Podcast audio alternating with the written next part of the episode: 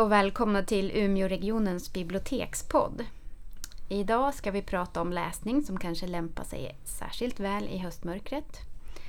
Ehm, det är dags för veckan som innehåller både halloween och allhelgona snart och de boktips som vi kommer ta upp idag har inspirerats av det. Jag heter Anna Salén och jobbar med vår webbplats Mina bibliotek. Och sen har vi också Frida Rönnbäck som är bibliotekarie och jobbar på Grubbebiblioteket till vardags och Tobias Johansson som är bokbusschaufför i Umeå. Eh, är ni sådana som läser säsongsbetonade böcker? Nej, jag, nej, jag bara försöker hinna läsa så många böcker som möjligt. Det är mitt, mitt primära mål egentligen. Ja, det är väl samma för mig. Jag tror enda skillnaden är väl att eftersom jag har bokprat så brukar jag försöka ha det lite, eh, lite årstidsanknytning kanske. Mm. Som till exempel skräckböcker vid halloween. Mm. Ja, det är väl klart att det är vissa böcker som kanske blir roligare och liksom, och att man tycker liksom att man, när det börjar bli höst, höstmörkt och sådär så gräver man fram de här lite ruggigare böckerna men det är ju som inte något medvetet val. Eh, det här med halloween har ju blivit större i Sverige eh, på senare år. Alla helgona, eller allhelgona har vi ju firat i, lite längre. Hur ser det ut på biblioteken då? Eh, uppmärksammar ni på Grubbebiblioteket de här eh, helgerna på något sätt? Nej, inte desto mer. ehm, vad jag kan... Nu har jag, inte, jag, har jobbat, jag har bara varit med om en halloween på Grubbe än så länge. Så vi får väl se om jag får något infall här i veckan och dekorerar hela, hela biblioteket. Men nej, jag tror att förra året gjorde jag några små bokspöken och hängde upp Mm. på ungdomsavdelningen. Men det är inte något som, som sätter så stora spår i alla fall. Nej, och rent i bussen, bokbussen så är det ju också, det är ju skräck eh, och läskiga böcker, det går ju hela tiden oavsett säsong. Det kan, Mm. vara, det kan vara soligaste maj och Mm. ändå, un- ungarna frågar alltid efter skräckböcker. Oavs, nästan oavsett vilken årskurs de går i. Det kan ibland vara att de förskoleklasserna kommer in och så vill de ha liksom de här läskigaste böckerna som står på HCG och man bara nej det där är inte riktigt er grej. Så att det är, det är verkligen en, all, liksom, oavsett säsong. Mm. Så att vi, ja, vi kan som inte riktigt skylta på samma sätt säsongsbetonat på så eftersom vi kör ju till skolor och allmänheten bara är liksom en gång i månaden. Just det. Jag tänkte att jag skulle berätta om en bok som jag har läst. Jag läste Åsa Larssons Mylingen som är eh, del tre i Pax-serien, heter den va? Mm. Eh, som är en, vad säger man, urban fantasy för, för eh, ja, lite halvstora barn va? Ja, det är väl 12 och uppåt. Ja. Eller, eller till och med, ja, till och med kanske ner. Ja, där är jag återigen som i Mm. bussen, där har varit de som går de är 9-10 har lånat med sig den hem. Och det, den är ju, den är ju sjukt bra illustrerad. Mm, där- Visst är det Henrik Jonsson han heter som har illustrerat? mm. Ja, Eh, men precis, det är som serie eh, nästan. Ja, det, ja men precis, det är halvt som halvt vad man ska Mm. säga. Serierutor fast utan, utan text. Kombinerat med liksom, sidor med enbart text. Eh, jo, men jag tycker att just den eh, vad heter det, kombinerar både halloween och allhelg- allhelgona på ett bra sätt. Eh, Jag har ju inte läst den här delen men då, ehm, de är ju oerhört sådär, de, är, de är ganska grafiska ändå. Det händer ganska mycket. Ja, de är läskiga men de är Ja. väldigt bra. Alltså både språkligt tycker jag och innehållsmässigt. Och jag tycker att man även som vuxen får ut ganska mycket av att, att läsa dem. Jag tycker att alltså, de påminner i, i känslan ganska mycket om den här Engelsfors-trilogin. Alltså cirkeln. ja, men precis. eh, i tilltalet och sådär. Det- Och gillade man, man, man den serien så tror jag att man kan få ut mycket av att läsa den här också. Eller tvärtom. Att Ja, man kan abs- börja läsa den här absolut. och så gå över till... Precis. Det beror lite på hur gammal man är, Mm. tänker jag. Ja, det är ju riktiga bladvändare Mm. och de lånas. Nu är det som tycker det känns som att barnen har upptäckt dem där. Mm. Det har väl kommit, är det fyra böcker det har kommit Mm. nu? Mm. Jag tror att det kommer fyra och att det är en som är precis på väg ut här i Mm. slutet på oktober. Eh, men jag kanske måste berätta om vad den handlar Har du läst den?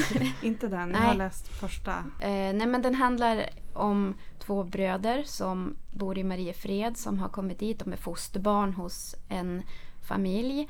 Eh, och sen så i, det, i den här boken så är det allhelgona och halloween. Och allhelgona är en tid då eh, de magiska krafterna blir extra starka. Så det gör att det händer extra mycket i den här boken. Och, och då är det en myling som kommer på besök. Och en myling det är ett, ett barn som har blivit mördat och som har kommit tillbaka för att hämnas. Och då har det här barnet, eh, kom, kommer det till en halloweenfest för att, för att, att döda de, några andra barn. Och alla tror väl då att det är, ut, att det är utklädd, eller? Ja men precis, Ja. precis. Det ser ju ut som ett litet trasigt barn som kommer men det är ett riktigt, en riktigt obehaglig. Nej men den är otroligt spännande både för, för stora och små. För det är väl just det också att hela den där serien handlar väl mycket om den här fornnordiska liksom, eller gamla så här Ja men Väsen. traditionella Tra- väsen precis. Ja men precis. Som den första heter Nidstången. Mm. Eh, som också har liksom anknytningar i liksom gammal eh, fornnordisk folk, eller ja, folktro Mm. om förbannelser och annat sådär. Och det tycker jag är ju jätteintressant. Jo det är ju Åsa Larsson som tillsammans med eh, en annan kvinna som är eh, Kan kolla namnet på det? eh, vet inte om hon jobbar som lärare kanske. Det känns som att hon är någon pedagogisk Ingela Korsell. Ja. Som då kanske är lite, har extra mycket koll på de här äh, traditionerna och traditionella otäckheterna. Mm. Nej, men det, jag tycker också att det är roligt att det börjar komma böcker om, om de här våra nordiska väsen. Är det, jag tror att det, Amanda Hellberg har skrivit någon eh, bok som jag Ja, inte kommer på namnet på nu. är det den här med flickan? Nej, ja den här äh, Eh, Jag väntar, Jag väntar un- under mossen. Ja, mossan.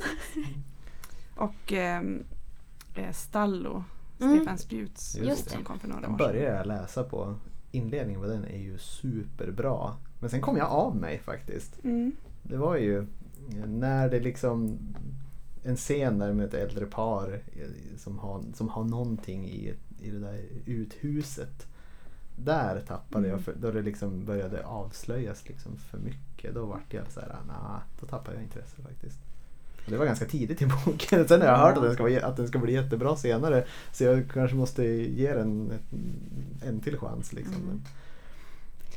Det var lite det vi pratade om innan här. Att det här med, med lockelsen med skräck. Att oftast är det ju de här bilderna man får i huvudet som är det läskigaste. Och sen när det här själva liksom monstret eller vad det är Mm. dyker ska- upp så man- blir det inte... Nej, man ska, aldrig, man ska aldrig se monstret. Man ska ju aldrig se liksom, Nej, det är, nej, men det är väl det som är svårigheten att bygga upp en läskig stämning. Det är nog inte lika svårt som att faktiskt hålla kvar den och att ända in i mål så att säga. Mm. Eh, men apropå det här med att, eh, att det är kul att man tar tillvara på liksom de, de inhemska traditionerna.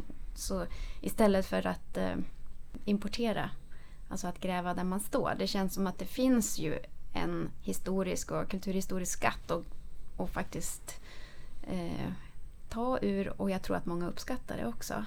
Ja. Jag tänker, ja, men samma sak med, med som cirkeln som vi nämnde. Alltså de, just det här att det är i en liten svensk småstad och att det handlar om ja, men svenska förhållanden och kanske Precis. svenska. Ur ett svenskt Mm. perspektiv. Ja, Sådär, istället för att anpassa, liksom försöka komma in i ett amerikanskt tänk till exempel i liksom, amerikanska skolbarn och liknande.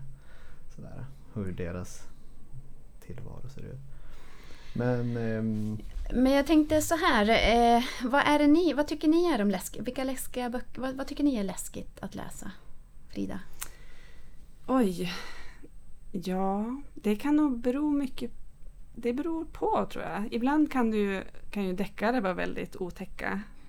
Och ibland... eh, Så egentligen tror jag att det som, det som jag tycker är läskigast och som jag faktiskt till och med undviker. Det är ju krigsskildringar och sånt verklighetsbaserat. där det blir för Det- påtagligt. Det blir för påtagligt. Mm. Ehm, däremot läser jag gärna rysare och ja, sånt där det är läskigt men på det här mer hanterbara sättet. Att det blir på något sätt eh, lite Det är fortfarande liksom, det är, det är inte mänsklig ondska eller Nej. skräck på något vis. Utan, precis. ja, det- Min, min favoritgenre som eh, jag ständigt återkommer till det är ju de postapokalyptiska skildringarna. Sådana efter katastrofen eh, böcker av olika slag. Och, och där är det ju också ändå nästan det bästa där är ju det här att det är liksom inte, till exempel om man tar Cormac McCarthys Vägen. Mm. Där det är liksom att rädslan är ju inte i det här att vad är det som har orsakat världens undergång utan det rädslan där, alltså den största skräcken det är ju hur människorna har påverkats utav det. Alltså att vad har Mm. människor blivit utav Ja. Och att det är liksom dem man är rädd för. Det är, det är liksom inte naturen eller liksom att det är någon zombieapokalyps eller någonting. Alltså att det är något, för där är det ju liksom inte ett omänskligt hot. Utan Nej. det är människorna i sig som har som man, liksom den mänskliga naturen som, man, som är den största skräcken. Och i den får man väl inte ens veta vad det är som har hänt. Nej, för det är inte bara, riktigt. bara hoppar in i efter faktumet. Och det hade ju lika gärna kunnat vara, handla om en krigsskildring eller Mm. nå- någon slags katastrof som har inträffat. Och det är väl det som, eh, som gör det intressant också att tänka sig men vad händer med människorna när hela vårt samhälle har raserats på något vis. Vad, vad gör människor? Ja, det är ju en genre som jag oftast undviker för jag tycker också att den är Mm. väldigt otäck. Men just i år har jag av någon anledning kanske läst fyra eller fem sådana dystopier av olika slag. Och, ja, jag vet inte. Ja, men ibland så är det så. ja. Ehm, Eh, Men jag tror att vi ska gå in på eh, lite boktipsande. mm. Ja. Ska jag, ska jag ta en, en liten sån här efter katastrofen-bok då? Gärna. Ehm, en ungdomsbok, eller egentligen en serie som är med en av mina favoritförfattare, Sofia Nordin, som har skrivit väldigt mycket bra ungdomsböcker. Och även en vuxenbok som jag inte har hunnit läsa, som kom ut i år. Men den här serien börjar med en bok som heter En sekund i taget och handlar om en tjej som heter Hedvig. Som, när, vi, när boken börjar inleds så eh, får vi veta att hela hennes familj har dött av någon sorts febersjukdom. Och när hon till slut lämnar lägenheten så märker hon att, att eh, det ligger döda människor överallt och att alla utom hon verkar ha strykit med i den här epidemin. Och vad, vad gör man då? Hon, hon är ändå ganska rådig. Så hon tar sig iväg till en gård utanför staden där de bor. Där de har varit på någon studiebesök med skolan eller något sånt där. Och tänker att ja, men där kanske jag kan överleva och det finns lite djur och, och hon sätter igång med att försöka bara, ja, men bara överleva helt enkelt. Och sen lite längre fram så visar det sig att hon är inte den enda som har överlevt. Och där kommer nya problem in i bilden. Att hur gör man för att, för att liksom inte bara överleva utan på något sätt bygga upp en tillvaro. Den tycker jag är jättebra och ganska hemsk men, eh, men väldigt eh, fascinerande.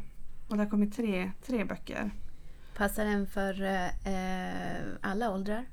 Nej, jag skulle väl säga kanske från 12 år någonting Mm. beroende på hur, hur eh, läsvan man är och hur, hur känslig man är förstås också.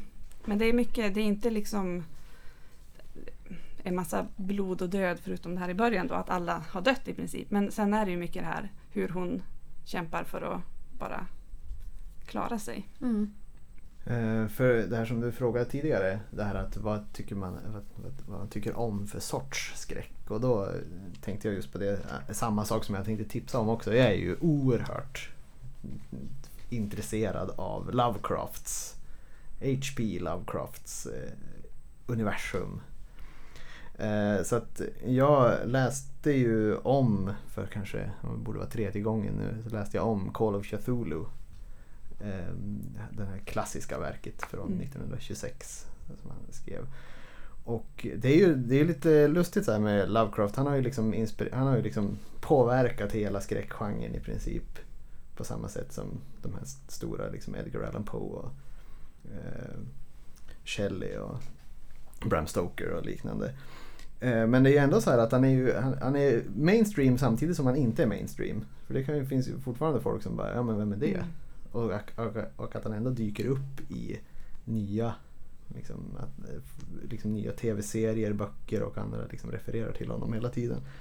Eh, men den här Call of Cthulhu i alla fall är liksom den första första boken liksom där den här, hans kända Cthulhu-mytologi cementeras. Om det här att människ människan är absolut inte ensam i universum utan vi är egentligen bara styrda utav stora astronomiska krafter som vi inte förstår oss på. Och någonstans långt ner i havet så bor den här monster saken som kontrollerar oss och bara väntar på att släppa loss eh, kosmisk galenskap över, liksom, över jorden. Men vem vill inte läsa det? Jag blir jätte, ja, jättesugen. Ja, alltså för, för grejen är den att eh, den är ju väldigt eh, handlingen är ju, är ju som så att det är en man Alltså alla han, i princip alla hans berättelser berättas ju ur ett jag-perspektiv. Vilket också jag tycker är väldigt bra. Eh, och då är det en man som hittar dokument ho, liksom hos sin, det var sin farbror som var professor. Och när han då han börjar liksom ögna igenom de här dokumenten och börjar märka att den här farbrorn kanske inte dog en naturlig död. Eh, och det kanske har någonting med de här papperna att göra. Och då börjar han märka att, liksom, att det har hänt händelser runt om, i, runt om på jordklotet som liksom är sammanlänkade det har liksom att göra med och, liksom, hemliga sällskap, eh, konstiga liksom, statyer med någon konstig monstrositet som är av, liksom, avformad och eh, människor som har konstiga drömmar liksom, på flera ställen samtidigt under ett visst klockslag så har eh, konstnärer som är liksom feberfrossa så börjar de att skapa målningar som de inte kommer ihåg att de har gjort och sådär. Eh, och allting liksom börjar liksom le, han, han börjar nysta i det där och till slut så börjar han ju inse att det är någonting som inte står rätt till i universum, liksom på i jorden. Eh, hur som helst, den är ju riktad för vuxna, eh, den boken. Eh, väldigt bra, det är ju första, del, eller första delen, sen skrev han ju massa andra, eh, som, liksom, andra noveller eller romaner som, som sitter ihop som liksom utvecklar det här äh, universumet. Eh, och eftersom jag vill ju att avgrundens evangelium ska spridas till alla och såklart ner i åldrarna så har jag ju hittat en bok som heter Robert Arthur och demonprofessorn som är skriven utav Charles Gillman. Som då är otroligt inspirerad av Lovecraft. Och den riktar sig ju till ja, men, mellan 8 och 8 år och uppåt. Eh, där det då är en kille som börjar i en skola som då heter passande nog Lovecraft-skolan. Eh, den har varit under renovering i många, eh, många år och nu har den öppnat. Och han är liksom en liten outsider, han blir mobbad utav de tuffa på skolan liksom. Och en dag när han är i biblioteket så, så hittar han en trappa som han inte har sett förut i det där biblioteket. Och han tycker det är så konstigt för det finns ju ingen övervåning på den här skolan. Men han går upp för den där. Och där träffar han en tjej som han har sett på skolgården men som ingen annan tydligen har lagt märke till. Och eh, han börjar liksom märka att någonting inte riktigt står rätt till. Det börjar i alla fall visa sig att den här skolan är ju eh, egentligen någon sorts eh, vad ska man säga, knutpunkt mellan olika dimensioner där det finns då de här äh, hemska varelserna från yttre rymden och andra äh, astrala världar. Liksom. Och det är otroligt roligt, som jag då som har läst väldigt mycket Lovecraft och märker att här lägger han in massa sådana grejer fast ifall man är 8-9 bast så fattar man ju inte det utan då tycker man väl bara att det här är jättehäftigt. Men som, som, det är en bra inkörsport. Det är en väldigt bra inkörsport. ja. För den är ju, det är liksom ganska rappt tempo, det händer häftiga grejer liksom. Och det är fina bilder i den. Och, eh, och det är första delen i en serie också så att det kommer fler. Mm. Så att den skulle jag verkligen rekommendera. Jag kom i kontakt med Lovecraft genom eh, brädspel. Det är också Precis. en bra inkörsport. Mm, Arkham Horror. ja. Sen har jag nog faktiskt inte läst någonting av honom men det var så jag fick reda på Det om en, den, om den här världen. det finns en otroligt bra inläsning av Ernst-Hugo Järegård som heter Skräckens labyrinter. Och den finns här på bibblan också. Och den är, alltså jag älskar ju Ernst-Hugo. och den är jättebra. Men visst sa du att du hade lyssnat på ljudboken? Ja, precis. Jag har, Och är det jag, då på originalspråk? ja, precis. Ja. Jag har vem, igen, vem är det som har läst den då? Den finns på Spotify, Okej. den som jag har läst. Och då bara sökte jag bara Call of Cthulhu. Så Mm. det är väl någon engelskt förlag som jag inte kommer ihåg vad det heter. Men, ehm, ehm, men så att jag har egentligen inte läst någon bok utan jag har lyssnat på hans, på hans eh, böcker. Mm. Men, eh, ja men precis, alltså, han har ju influerat, liksom, inspirerat till brädspel, till filmer och annat. Du ville tipsa om en annan postapokalyptisk bok, eller hur? Ja, jag kan hålla på länge med det. Men jag ska försöka ehm, begränsa mig lite.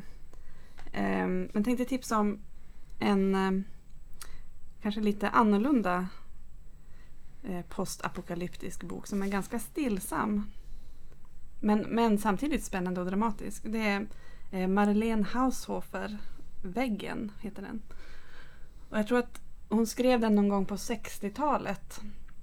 Eh, men eh, den kom i en ny översättning här om året. Och det var då jag, jag läste den. Eh, huvudpersonen är en kvinna som man nog aldrig får veta namnet på. Men hon beger sig en dag med ett par vänner upp till någon, en stuga i Alperna för att ja, men bara semesterresa. Eh, och de här vännerna åker ner till byn på kvällen. Men sen kommer de inte tillbaka så dagen efter så börjar hon ju förstås bli lite orolig och fundera på vad som har hänt med dem. Så hon börjar promenera ner mot byn och plötsligt så tar det bara stopp. Och det är som en, som en glas, genomskinlig vägg, som en glasvägg. Som, som hindrar henne från att, att ta sig vidare. Ehm, och bortom den här väggen så ser hon inget liv, det är inget som rör sig. Och bara det är ju ganska skräckinjagande. Ehm, så hon är alltså fast i den här i det här området med bara en hund som sällskap. Eh, och så småningom så hittar hon även en ko Mm. som står lite längre ja, bort på, på en äng. Och ett, en katt. Men det är liksom det hon är den enda människan som är här. Och lite djur. Och hon, ja, när, när hon skriver, det är, det är också första persons berätt, berättare. Hon skriver eh, om, om sin tillvaro. Hon börjar, sk- hon börjar skriva eh, ett, något år in i den här eh, vistelsen. Och så berättar de om hur, hur livet har varit. Ehm, så det är ju hela tiden hennes pers- perspektiv. Ehm, och hon berättar om hur hon Ja, även här handlar det om hur hon liksom rent fysiskt sett ska överleva. Och som tur var så var en av de här vännerna var lite hypokondrisk av sig så han hade ganska mycket mediciner och förnödenheter i den här stugan. Och sen finns det ett jaktgevär så hon, hon eh, eh, skjuter lite rådjur eller vad det är. Så hon lyckas överleva. Men det som är intressant är ju det här ensamheten. Att Vad händer? Även om hon, om hon klarar sig från dag till dag så är hon ju ensam förutom de här djuren. Och den, med tanke på att det är en roman med bara, bara en person som berättar och ganska mycket om det här eh, dagliga arbetet så först, jag förstår inte hur hon lyckas göra det så spännande men det är verkligen det. Man blir helt fast i, i den här berättelsen. Mm. Ja, det låter jättespännande. Väggen hette den sa du? Ja, Av? eh, Marlene Haushofer. Mm. Och det finns även en filmatisering av den Mm.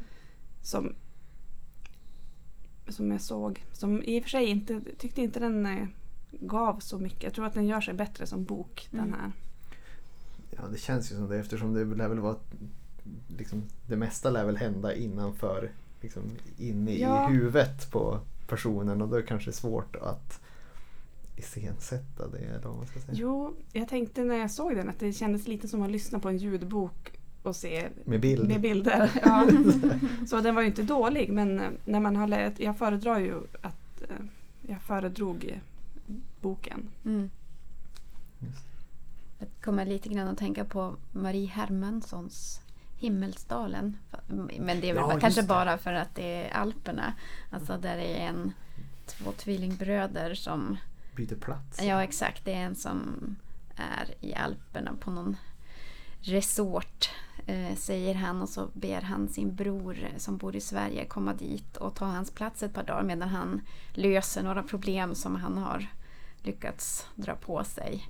Och sen så när då eh, brorsan har försvunnit så får ju den tvillingbrodern väldigt svårt att få gehör för att han ja, är den han är. För det visar sig att det är ju inte bara en resort. Det är Nej ju, men det är ju inte det. de- det, är ju folk, inte det. Mm. folk är ju inte så värst frisk som är Nej, det är, och, och där är det mer att det är svårt att ta sig. Det är lite tvärtom. Man är Mm. liksom isolerad åt andra hållet. Det är svårt att ta sig Mm. ifrån där man är.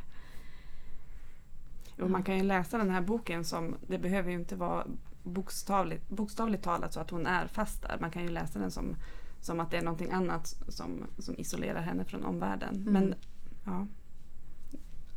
Spännande tanke. Mm. Jag läste Mats Strandbergs Färjan ehm, här. Den kom ju för ett par veckor sedan. ehm, som ju är en, eh, en ny skräckroman, svensk skräckroman. ehm, som har valt att förlägga eh, handlingen ombord på en, en Finlandsfärja som heter Baltikarisma.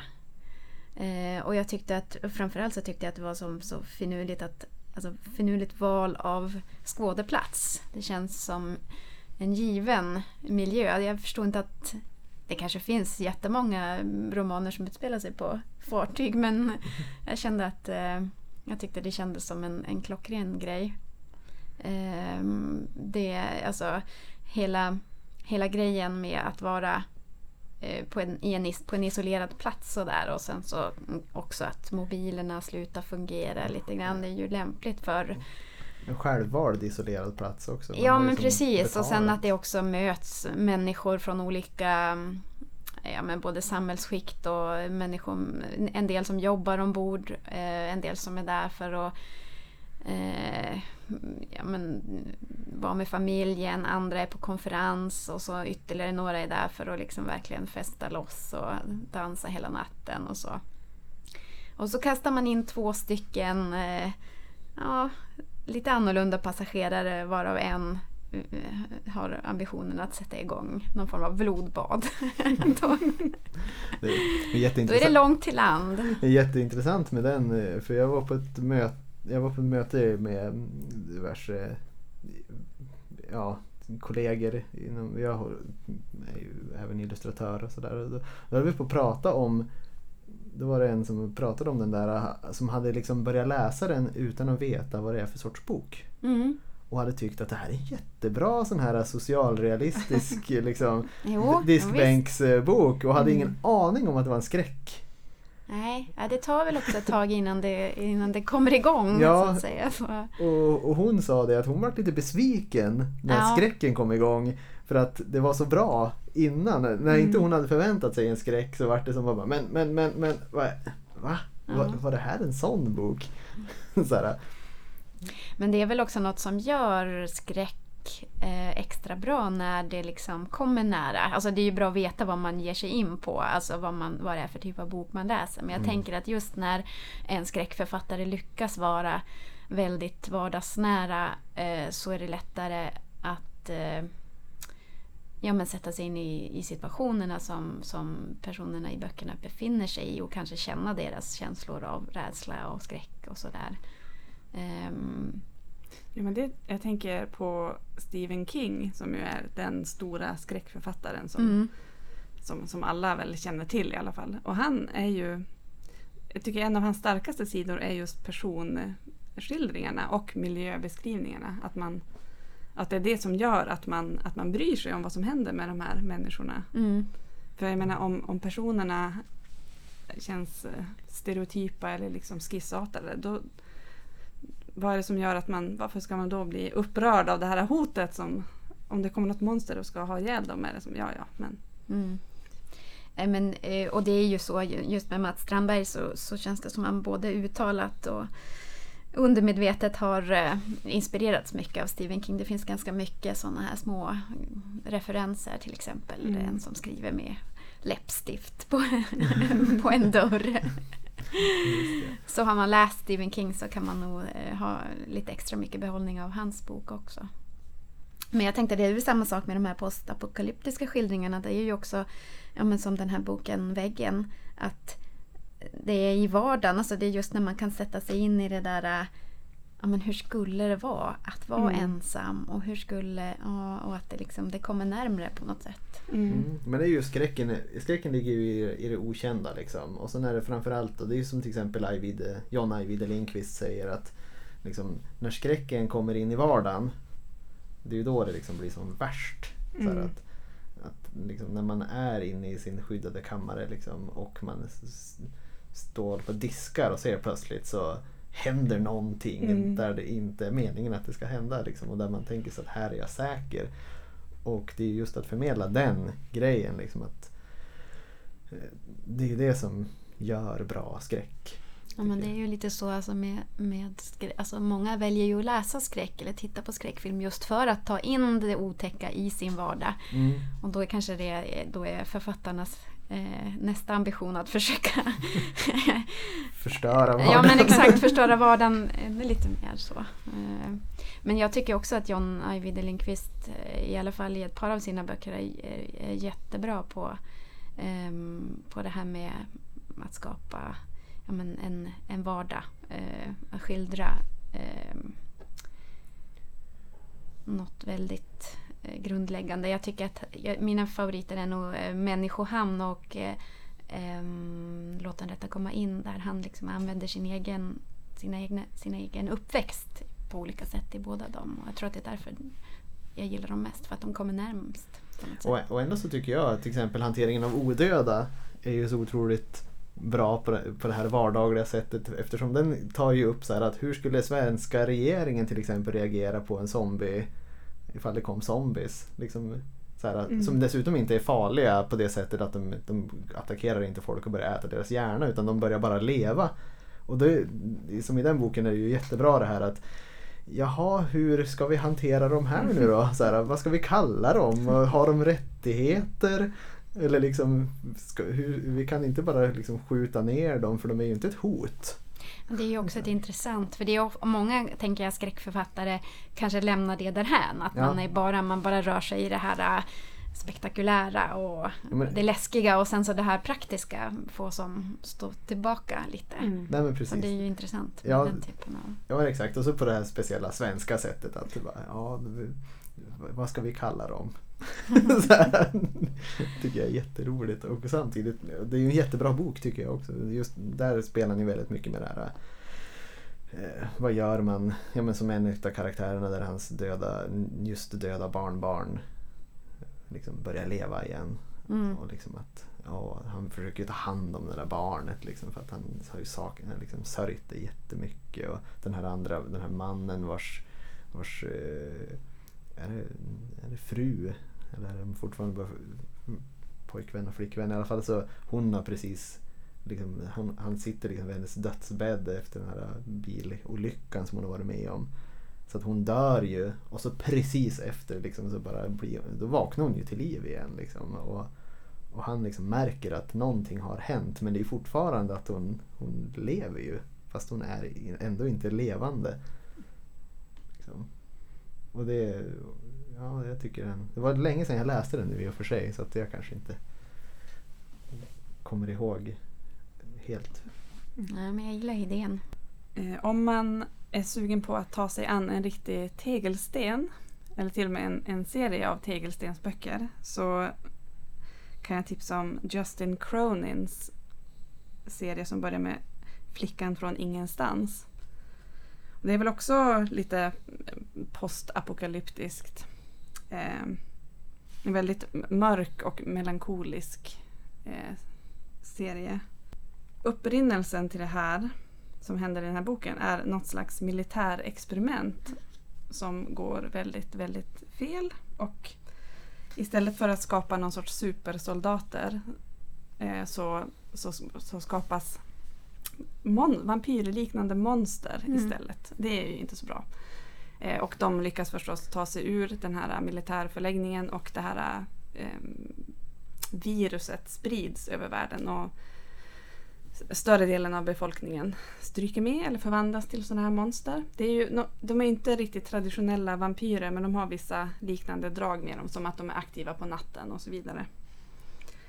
Ehm, och det finns eh, överlevande som försöker liksom hålla ut i små samhällen men, men samhället är ju helt förändrat förstås. Och jag vet inte, jag ska inte berätta för mycket om dem eh, men eh,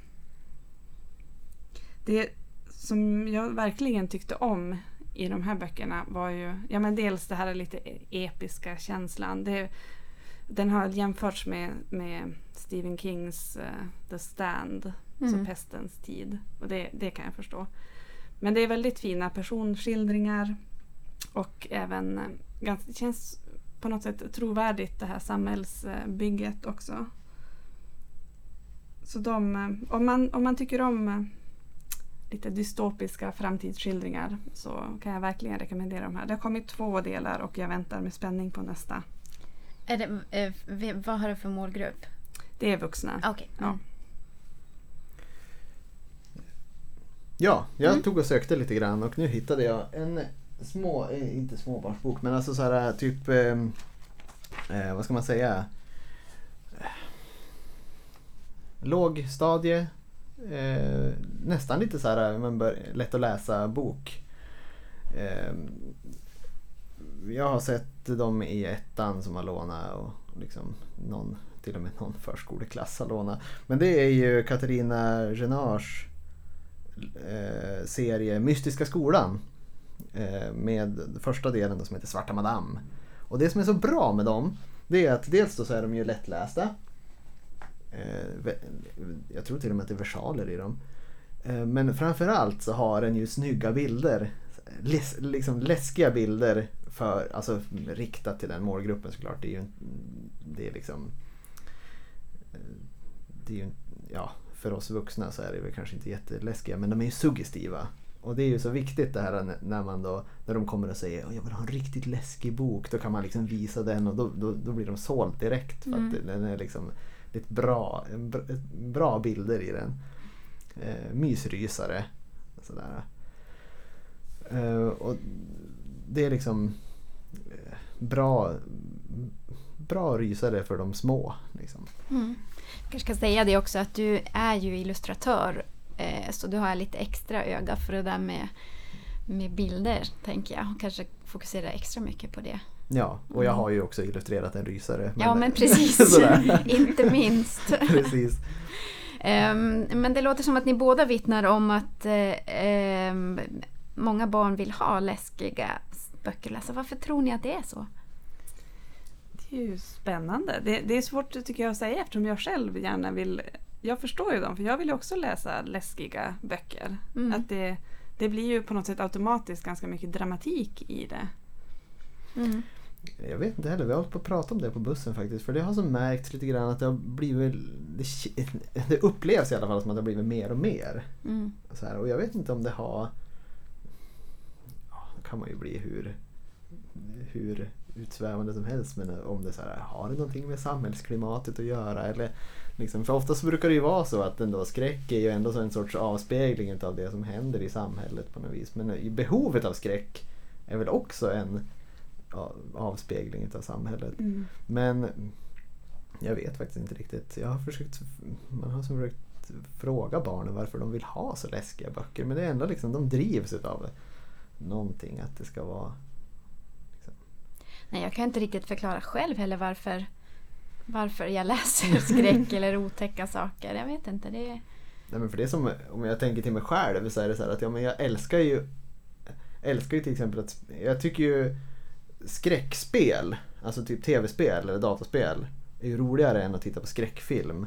Då, för då är det som så här att man är ju aktivt med att utsättas för de här hemskheterna. Mm. Och då är det det, jag älskar skräckspel men jag klarar fan inte att spela dem. Det är som att jag... det blir för mycket. Ja, det blir jätte... Jag har ett spel som jag nu spelade i våras som, som jag hade tänkt tipsa om. Det är ju Alien Isolation. Som är ett spel som utspelar sig i det här Alien-universumet mellan första Alien-filmen då som kom 78, tror jag. Och den andra eh, filmen som kom 86. Eh, och där handlar det ju liksom om att ja, men, du är på ett rymdskepp, du är isolerad på det rymdskeppet och det kryper runt en stor, ja, en stor blodtörstig utomjording som är ute efter dig. Och man, och man har inga vapen. Så att du ska, du ska egentligen bara gömma dig och mm. försöka vilseleda den där utomjordingen mm. Så att man kan fly. Och det, ja, det är liksom så här, man sitter och tänker att nu, nu, nu, nu hinner jag springa och så, så har man spr hunnit spr liksom springer man några meter och sen märker man att oj då, nu har jag en utomjording bakom mig och så dör man och så sitter jag där och helt vettskrämd. Och så bara, nej nu, nu slutar jag spela en stund. Och sen kan det gå bara en kort stund och så bara, nej jag måste spela mer igen. Och så mm. drar jag igång det. Och jag, det, varför man liksom drivs av det, det förstår mm. inte jag heller riktigt. Det är jättekonstigt när man tänker efter. Nej, men det är kanske någonting som saknas i vår vardag.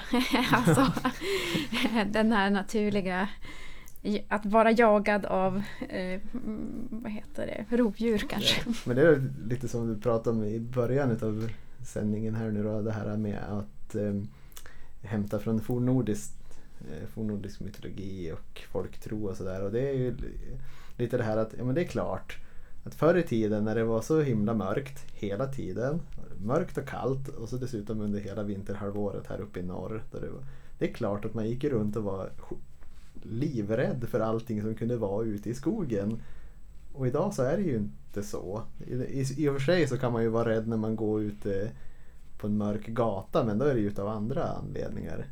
Men tror du verkligen att det var så? Då tror du inte att det var mer så att man levde liksom i symbios med mörkret? Ja, men alltså, ska... jag menar, jag tänker att man inte liksom, när det är det som är ja, normaltillståndet. Jo, men så... man skapade ju ändå de här äh, bäckahästen och ja de här um, mm. liksom, trollerna och konstiga varelserna som kunde äta upp en ifall man gick ut i skogen. Liksom.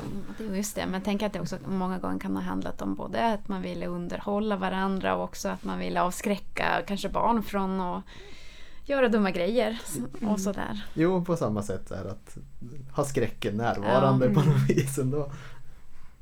För på något sätt är ju nu för tiden är ju skogen kanske mer skrämmande mm. för många som inte, i och med att vi vistas mindre i naturen eller lever längre från naturen än förr i tiden. Jo, i och för sig.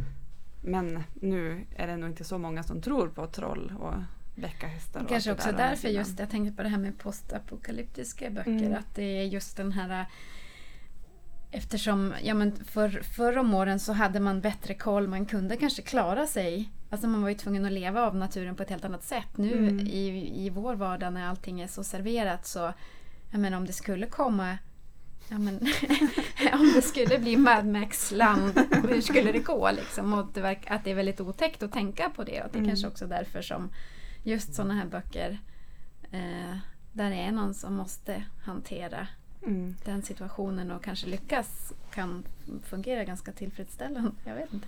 Ja, för jag, jag är eh, helt på det klara med att om, om något sånt här skulle hända skulle jag inte klara mig bra. Nej. Det kanske är det att jag Nej, behöver läsa precis. om någon som faktiskt klarar av precis.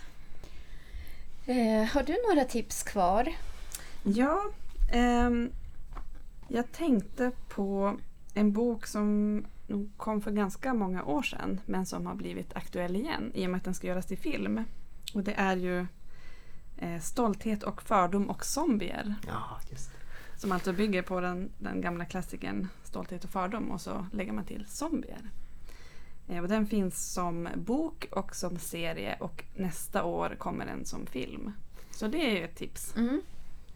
För mig som hade, har läst eh, originalet så den, den håller sig ganska nära originalet men det blir ju den här extra dimensionen av att de även är zombiejägare.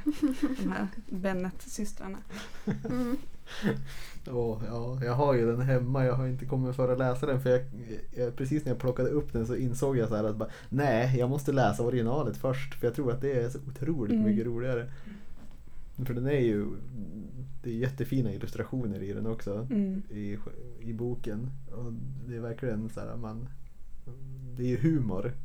Ja, Fast den är ändå liksom sådär, fast den är ju ändå vad ska man säga, knastertorr på det här sättet som liksom ja, fast där, jag tycker ändå att, att eh, Jane Austen är ganska, hon är ju ganska rolig. Det är ju lite torr humor men det Jo, är fortfarande väldigt eh, som glimten i ögat. Jo men exakt, men det är fortfarande det här eh, Det lilla jag hann läsa innan jag, innan jag insåg att ja, men Mm. jag måste läsa originalet. Vilket jag inte har gjort. Då. Det kanske är skämmigt att säga att man inte har läst. Men, eh, men att det är just att den ändå bibehåller samma stil. Mm. Och som är liksom den här torra liksom, brittiska sättet. Och, och så zombies. Ja, precis.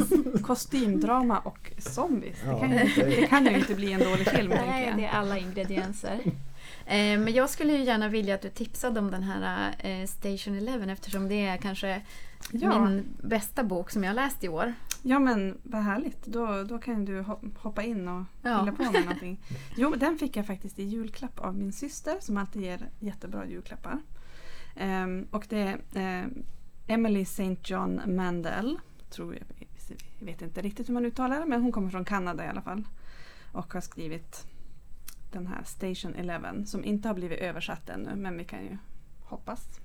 Ja, jag tror Att att den, den också ska komma som film vad det lider och då mm, kommer den säkert komma på svenska också, Mm. gissar vi. Den är ju också en eh, lite ja, postapokalyptisk Mm. kan man säga. Även om känslan i den är ju inte som man traditionellt tänker sig. Eh, postapokalyps kanske. Men den, jag tyckte den var väldigt melankolisk och vacker. Och man fick, det, var, det var inte riktigt feel good men man, det var som ändå en, en, en fin bok kände jag efter att jag hade läst Mm. den. Eh, och även här så är det någon slags influensasjukdom som eh, slår ut större delen av världens befolkning. Och boken den utspelar sig både eh, i tiden runt det här sjukdomsutbrottet och sen hoppar den fram till, jag tror att det är kanske 20 år senare. Mm. Och man får följa ett, ett kringresande Shakespeare-sällskap.